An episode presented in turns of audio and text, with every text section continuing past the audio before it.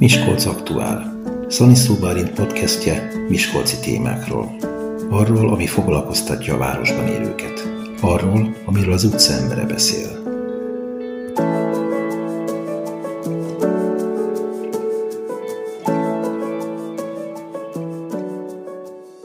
Mai vendégem Szúnyog László Miskolc főépítésze, akivel az avasról beszélgetnénk, ugye az a része a városnak, amely nagyon fontos szerepet tölt be, mondhatjuk, hogy évszázadok, évezredek óta a város, illetve az itt élők történetében. Hogy lehet elhelyezni az avast Miskolcon? Hát egyrészt én is üdvözlök mindenkit, másrészt, ha már ezt kérdezte, nem tudom, tegedődhetünk, hogy egyszerűbb úgy, tehát ezt kérdezted, hogy hogy lehet elhelyezni Miskolc történetben, akkor, akkor kvázi magyarán visszakérdeznék, hogy akkor melyik Miskolc.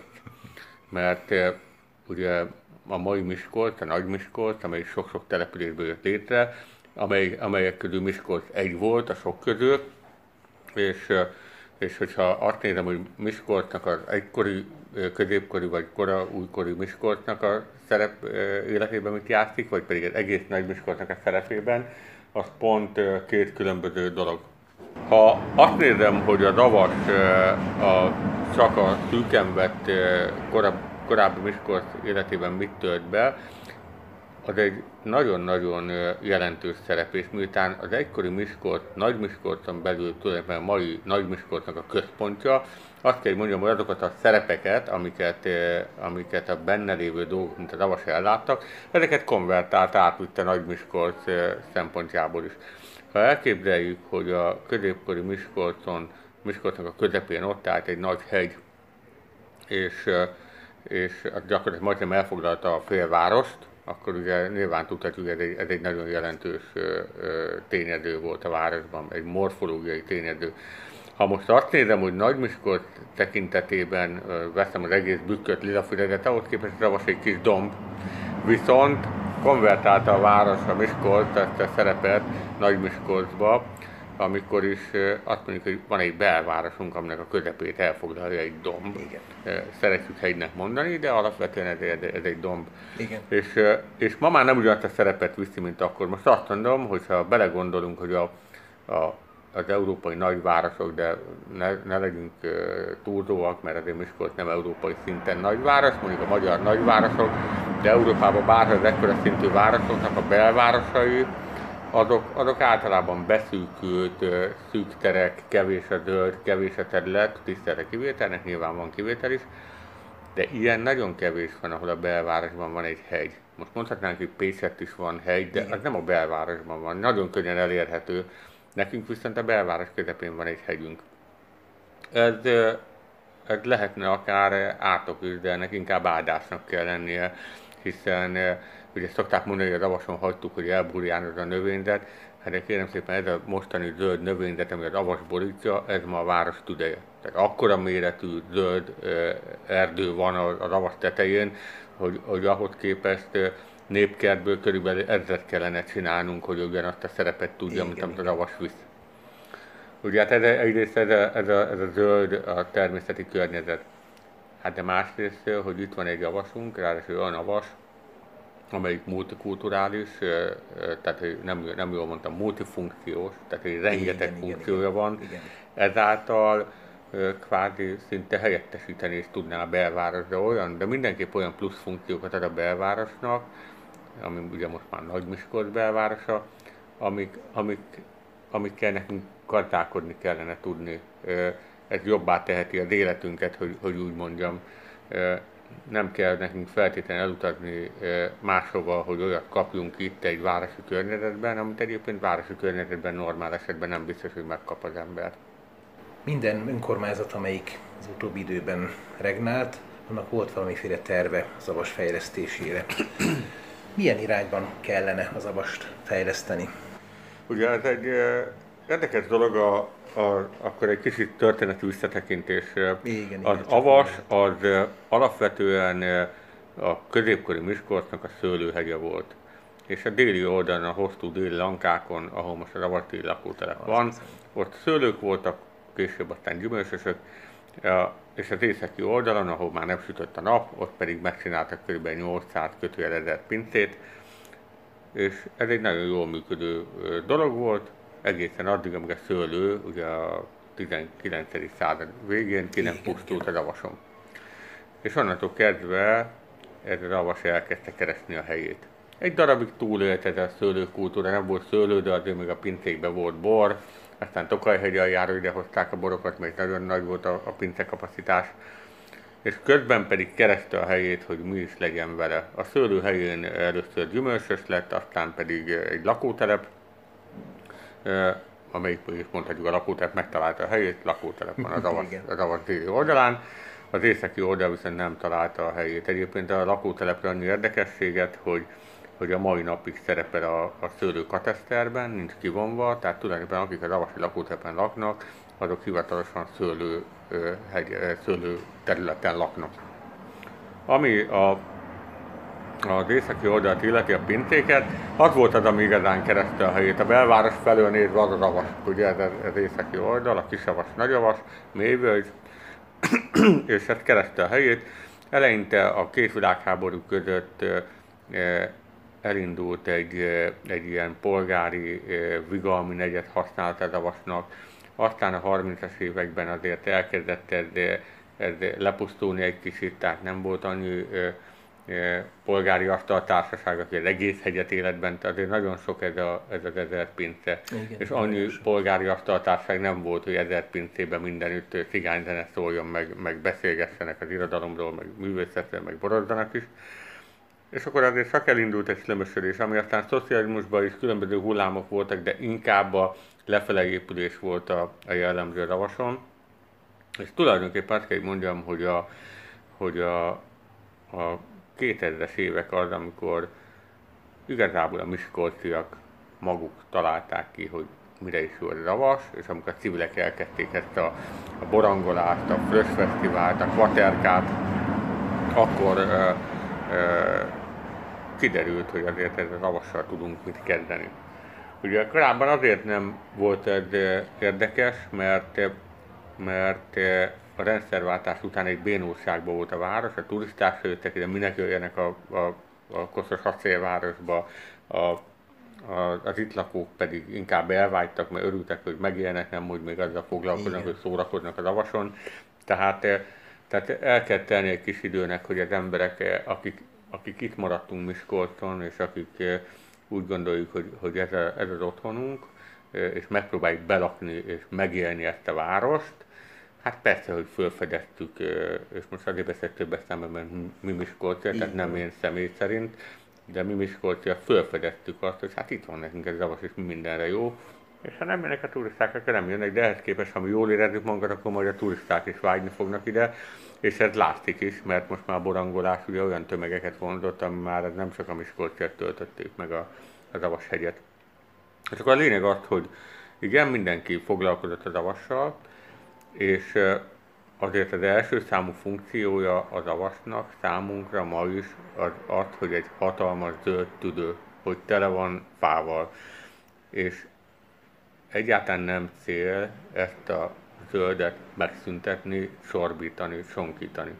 De azt is tudni kell, hogy egy város közepén lévő erdőt csak gazdálkodva lehet fenntartani. Tehát hiába mondjuk, hogy mi tartsunk fönn ekkora erdőt, hogyha ott oda nem teszünk funkciókat, nem teszünk olyat, hogy, a, hogy az ember állandó jelenléte ott legyen, hogy kezelje ezt a területet, akkor ez elvadul. És ezért, amikor én azt mondom, hogy a mostani fejlesztési elképzeléseknek, és most anélkül, hogy a korábbiakat kritikával illetnénk, mert mindegyik abban, abban gondolkodott, hogy Igen. hogy lehet életet vinni, és hogy lehet a város életébe bekapcsolni, de most inkább azt mondom, hogy olyan funkciókat kell oda fölvinni, amik garantálják azt, hogy ott lesz állandó jelenlét, hogy oda fölmennek a miskolciak, de nem feltétlenül akarjuk lebetanozni az egész szavas, sőt, igazából lehető legkevesebbet. Valamennyit muszáj. Tehát ugye az, hogy tehát muszáj valamit oda tenni, de ez csak tényleg nagyon meg kell találni az arányt, hogy a lehető legminimálisabb fejlesztés menjen föl az avasra, de annyi fölmenjen, hogy ott állandó jelenlét legyen. És hogyha azt nézzük, hogy a, e, ugye elindult azt, hogy a horvát tetőn megvalósult egy ilyen egy játszótér és egy tematikus park, ami óriási siker lett, függetlenül attól, hogy, hogy kisebb-nagyobb tűzszerzési hibák is előfordultak, de alapvetően óriási siker lett a, a, a horvát tető, és akkor azt mondtuk, hogy ezt meg kell tudni őrizni, ezért olyan komplex gondolkodást kell javasra, hogy ez nem maradjon magára ez a fejlesztés. Ezért a korábbi főtérre elnyert pénzt ravaszra vittük föl. Én nem gondoltam volna, amikor főépítész lettem, hogy hogy, hogy pont, hogy, hogy, hogy csak a Davas lesz, hogy a Davas ennyire kiemelkedik majd, de mivel elindult itt ez a fejlesztés, ezt már nem lehetett megállítani, muszáj volt azt mondani, hogy egy komplex program, akkor vigyünk végig, örülök neki, nyilván tudnék még ilyet mondani, hogy mi az, amit még komplexen, mert a belváros, a búzatér lehetne, de most azt mondom, hogy végül is valahogy úgy hozta a sors, hogy az avas az, ami, ami, amit végigviszünk, egy stratégiát megvalósítunk. És ezért a, a főtérre szánt pályázati pénzt, azt fölvittük az avasra, hogy ha már megújul az avasi kilátó, ha már megújult a horvát tető és a vízelvezetés az avason, akkor az egészet egy keretbe foglalja az avas fejlesztés, ami biztosítja az odavezető utakat, biztosítja, hogy a avas tető rendben legyen, nem akarunk mi ott feltétlenül ö, utakat aszfaltozni, ö, hanem, hanem csak az, hogy, hogy, hogy rendre, aki oda érkezik, az érezze azt, hogy egy kultúrtájba érkezett, és, és hogy ne hagyjunk teret a devianciának. Ha valahol el, elhagyott gados valami, akkor, akkor az a, a, ott megjelenik a deviancia.